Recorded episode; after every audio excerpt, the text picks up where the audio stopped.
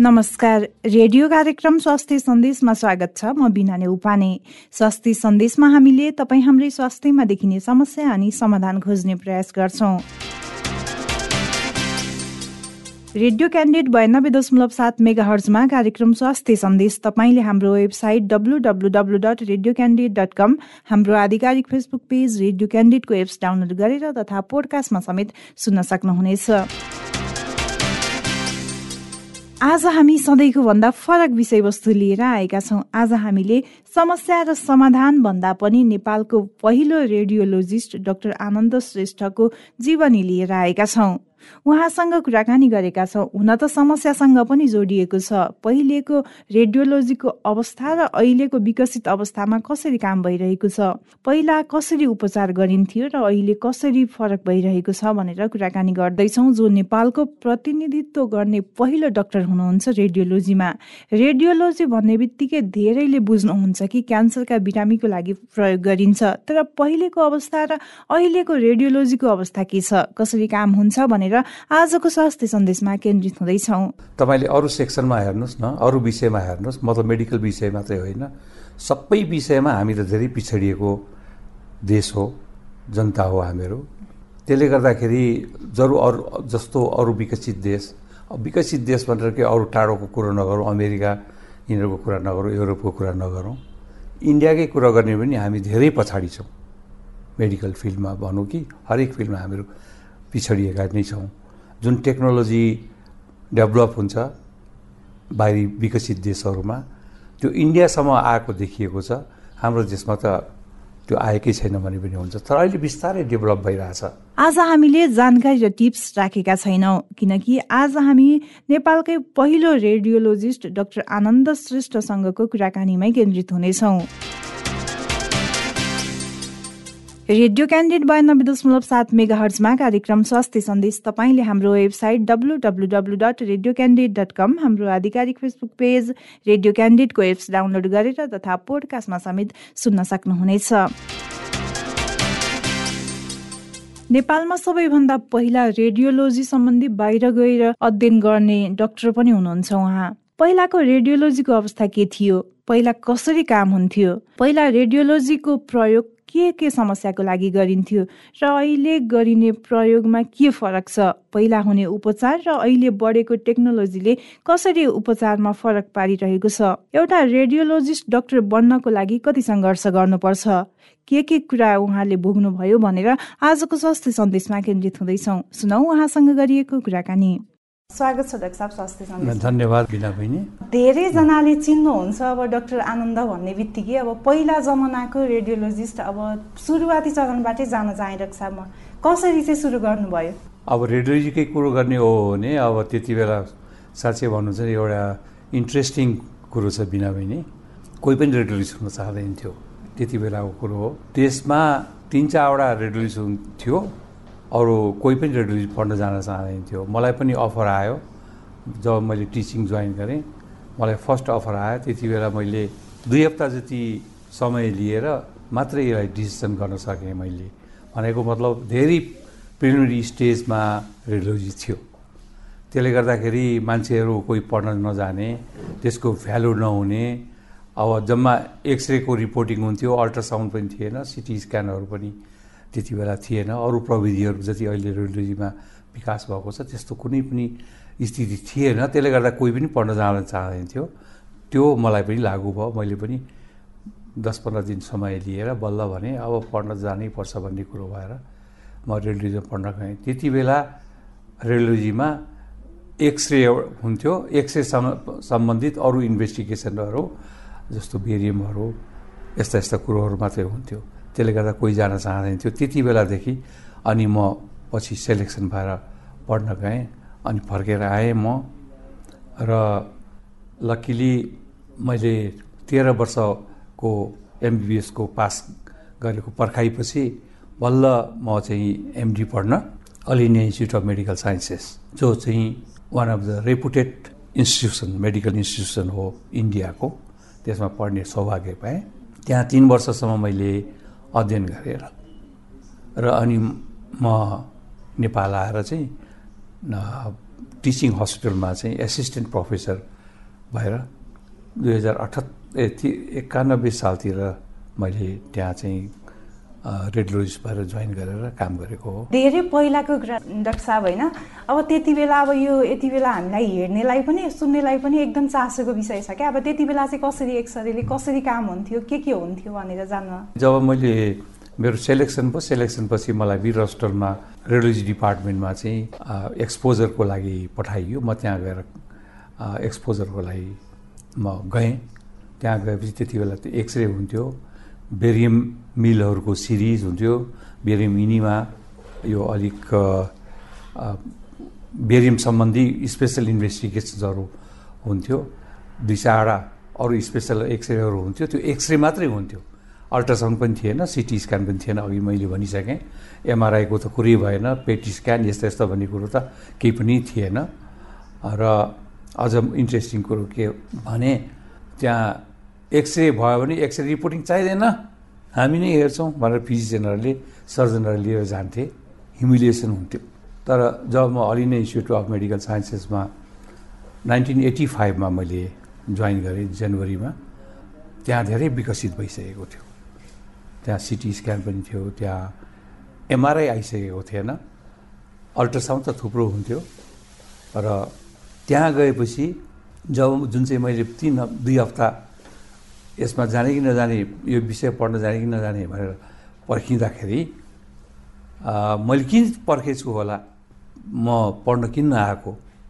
जस्तो फिल भयो। त्यहाँ रेडियोसरको यस्तो भ्यालु थियो रेडियोसरहरूलाई नसोधिकन अपरेसन पनि हुँदैन थियो कुनै ट्रिटमेन्ट पनि सुरु हुँदैन थियो। त्यति भ्यालु थियो। र त्यति अथोरिटीका साथ रिपोर्टिङ पनि हुन्थ्यो। त्यसले गर्दाखेरि राम्रो एक्सपोजर पाएँ।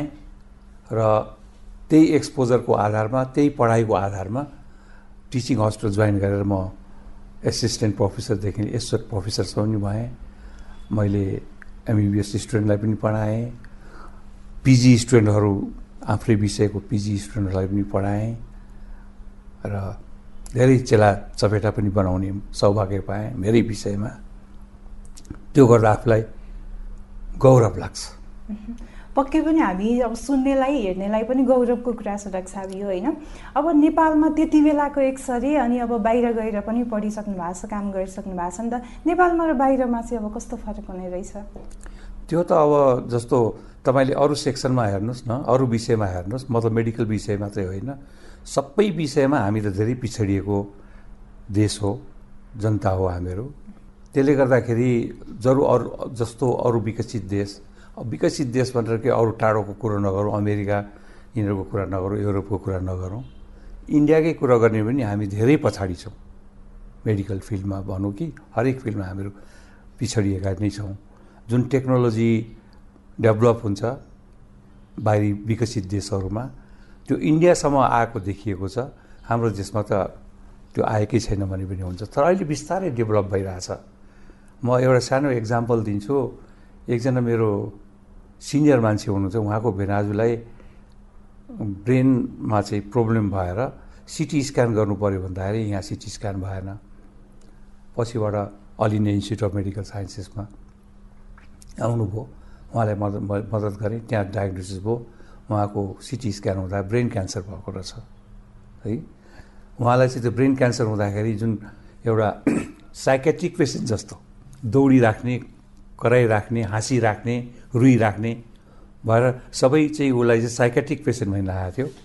एउटा सिटी स्क्यान हाम्रोमा हुन नसकेर है सिटी स्क्यान हुन नसकेर डायग्नोसिस हुन सकेन है तर त्यहाँ जाने बित्तिकै हामीले सिटी स्क्यान गऱ्यौँ एमआरआई गऱ्यौँ तुरन्तै रोग थाहा भयो अपरेसन भयो अब ब्रेन क्यान्सरै भएको रहेछ बाँच्न त सक्नु भएन। मतलब यस्तो क्या हामी त यस्तो स्टेजमा थियौँ त्यति बेला। अहिले त त्यो हेरिकन धेरै हाम्रो देशमा डेभलप भएको छ। तर डेभलप कन्ट्री इभन इन्डियासँग हामीले कम्पेयर गरेर हेर्ने हो भने हामी त केही पनि छैनौँ भने पनि हुन्छ। धेरै लिमिटेड अवस्थामा हामीले काम गरिरहेछौँ प्रविधिहरू छैन हामीहरूकोमा। त्यसले गर्दाखेरि कति ट्रिटमेन्टहरू हामीले यहाँ गर्न सक्ने ट्रिटमेन्टहरू पनि डायग्नोसिसको अभावमा हामीले गर्न सकेका छैनौँ नेपालमा। त्यति बेला अब एक्सरेबाट उपचार हुने बेला भनौँ अथवा समय थियो डाक्टर साहब होइन अब अहिले रेडियोलोजीको प्रयोग गरेर क्यान्सरसम्मको उपचार पनि हुन्छ। अब यो बिचमा आइपुग्दा तपाईँले सबै कुरा झेलिसक्नु भएको छ। के भन्नुहुन्छ यो बिचको अवधि? यो कुरोमा एउटा म स्मरण गराउन चाहन्छु बहिनीलाई। जब सुशील कोइरालाजीलाई हाम्रो पूर्व प्रधानमन्त्री स्वर्ग स्वर्गवास प्रधानमन्त्रीज्यू उहाँलाई बालवाटारमा सबै एउटा टिम अफ डक्टर्सले चाहिँ हेर्ने हो। त्यो टिममा रेडियोजको विशेषज्ञताबाट म गएको थिएँ जाने अवसर पाएको थिएँ। उहाँलाई चेस्टमा या लङ्समा चाहिँ क्यान्सर भएको थियो। अनि त्यो विषयमा उहाँसँग डिस्कसन गर्दाखेरि मैले उहाँलाई एकदमै रिक्वेस्ट गरेको थिएँ मैले हेर्नुहोस् तपाईँ चाहिँ अमेरिका नगई हुँदैन यो। इन्डियामा गयो भने यो सर्टेन सेन्टरहरू मात्रै छ। अपरेसनै गर्नु पऱ्यो भने धेरै कम्प्लिकेटेड अपरेसनहरू चाहिँ इन्डियामा पनि हुँदैन।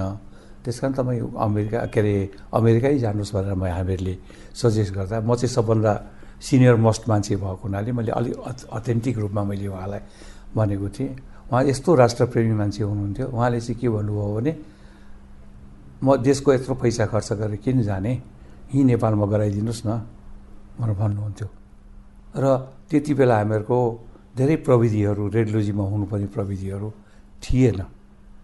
त्यो प्रविधिहरू नेपालमा नभएको हुनाले तपाईँले यहाँ गर्न मिल्दैन। तपाईँ धेरै इम्पोर्टेन्ट मान्छे हो हाम्रो देशको लागि। त्यस कारण तपाईँ अमेरिकै जानुपर्छ प्रधानमन्त्रीज्यू भनेर भन्दाखेरि उहाँ धेरै राष्ट्रप्रेमी मान्छे हुनुहुन्थ्यो।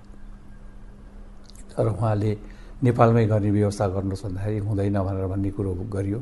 त्यति बेला मामुली रेडिजिकल इन्भेस्टिगेसन्सहरू पनि नहुने होइन? त्यसले गर्दाखेरि डक्टरहरू ट्रेन्ड भए तापनि त्यो इक्विपमेन्टहरू नभएको हुनाले है इभन एमआरआई सर्भिस पनि भर्खर थियो। अरू धेरै इन्भेस्टिगेसन गर्नुपर्ने हुन्थ्यो उहाँलाई है इम्पोर्टेन्ट पर्सन नेपालको। तर त्यो सबै केही नभएको हुनाले तपाईँ यसैको लागि पनि जानुपर्छ भन्दाखेरि अब यसैको लागि जब जानुहुन्छ र डायग्नोसिस हुन्छ भने तपाईँ उहाँ गराउनुहोस् भन्दाखेरि उहाँलाई लङ क्यान्सर भएको थियो। पछि अमेरिका जानुभयो। अमेरिकामा गएर ट्रिटमेन्ट त गराउनु हो तर उहाँ बच्न सक्नु भएन। त्यो बेग्लै कुरो हो। मतलब यस्ता यस्ता प्रिमिनरी कुरोहरू पनि नि भएको थिएन। अरे उहाँले मलाई प्रमिस गर्नुभएको थियो। तपाईँ हामीलाई प्रपोजल दिनुहोस्। हामी चाहिँ त्यस्तो प्रविधिहरू पनि नेपालमै ल्याउने कोसिस गर्छौँ। म पो अमेरिका जान सक्छु त। सबै त जान सक्दैन नेपालीहरू। नेपालीहरूको पनि ट्रिटमेन्ट नेपालमै हुनुपर्छ भन्ने कुरो धारणाको एउटा उच्च विचारको मान्छे हुनुहुन्थ्यो। र पछिबाट उहाँ अमेरिका जानुभयो तर उहाँलाई रोगले निकै च्यापिसकेको थियो। अरू कारणले पनि गर्दाखेरि उहाँको डेथ भयो यस्तो किसिमको सिचुएसन छ क्या नेपालमा।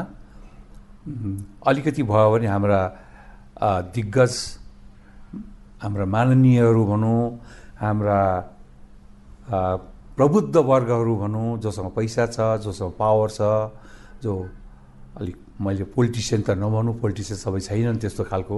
केही पोलिटिसियनहरू अलिकति भयो भने हात छेउ आए पनि बाहिर गइदिने। वा यहीँ डेभलप गरौँ भन्ने प्रविधिहरू ल्याइदिएन डक्टरले गर्ने हो। मैले त्यति बेला पनि धेरै कुरोको डेभलप गर्नुपर्छ नेपालमा भन्दा उहाँले मलाई प्रोमिस गर्नुभएको थियो तर धेरै बस्नु बाँच्न सक्नु भएन। सायद उहाँ अबको गर्नुहुन्थ्यो होला। अब अबको नेताहरू नै हुनु हुँदैन भन्दा फरक पर्दैन सबै त नभनौँ केही त होलान् तर डिसिसिभ चेयरमा चाहिँ उहाँ हुनुहुन्न होला कोही राम्रो सोच्ने पनि छन् राष्ट्रवादी पनि छन् तर आफैलाई भए पुग्ने अरूलाई भए न जरुरत नपर्ने भन्ने खालको छ नि त्यसले गर्दा प्रब्लम छ नेपालमा अब सरकारी तपाईँमा काम गरेर अहिले प्राइभेट सेक्टरमा आइसक्नु भएको छ डाक्टर साहब होइन?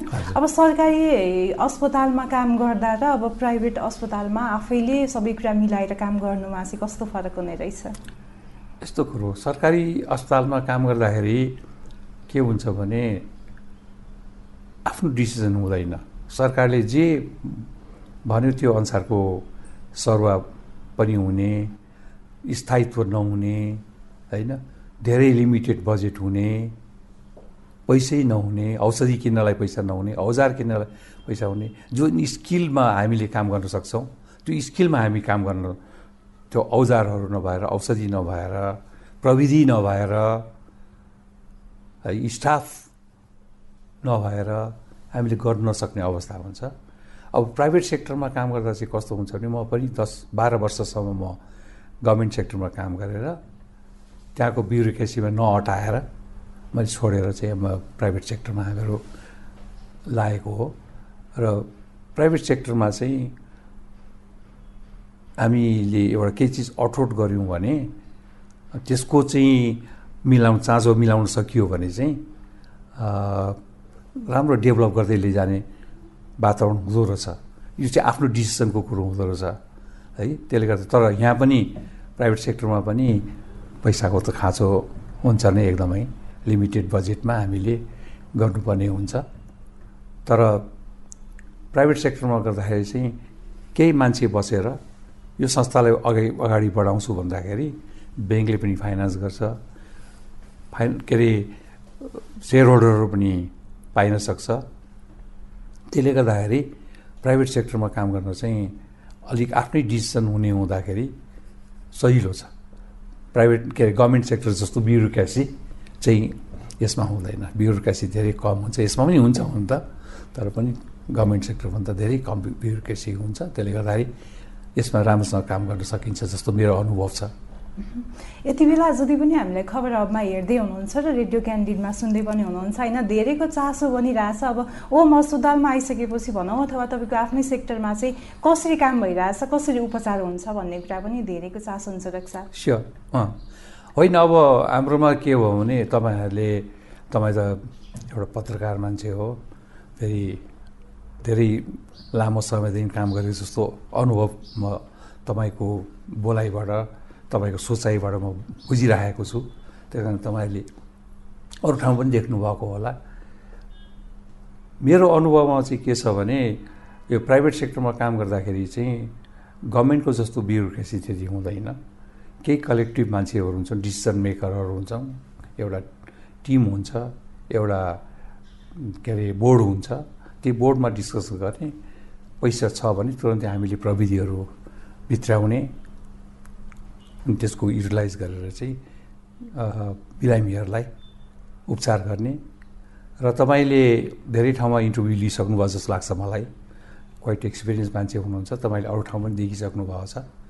यो अस्पतालमा चाहिँ हामीले जुन प्रविधिहरू प्रयोग गरेर हामीले उपचार गरिरहेका छौँ र जुन फेसिलिटी दिइरहेका छौँ त्यो फेसिलिटीमा हामीले चाहिँ बिरामीहरूलाई धेरै ट्याक्सेसन हामीले गरेको छैनौँ। हामीहरूको उद्देश्य भेरी हायर क्लासको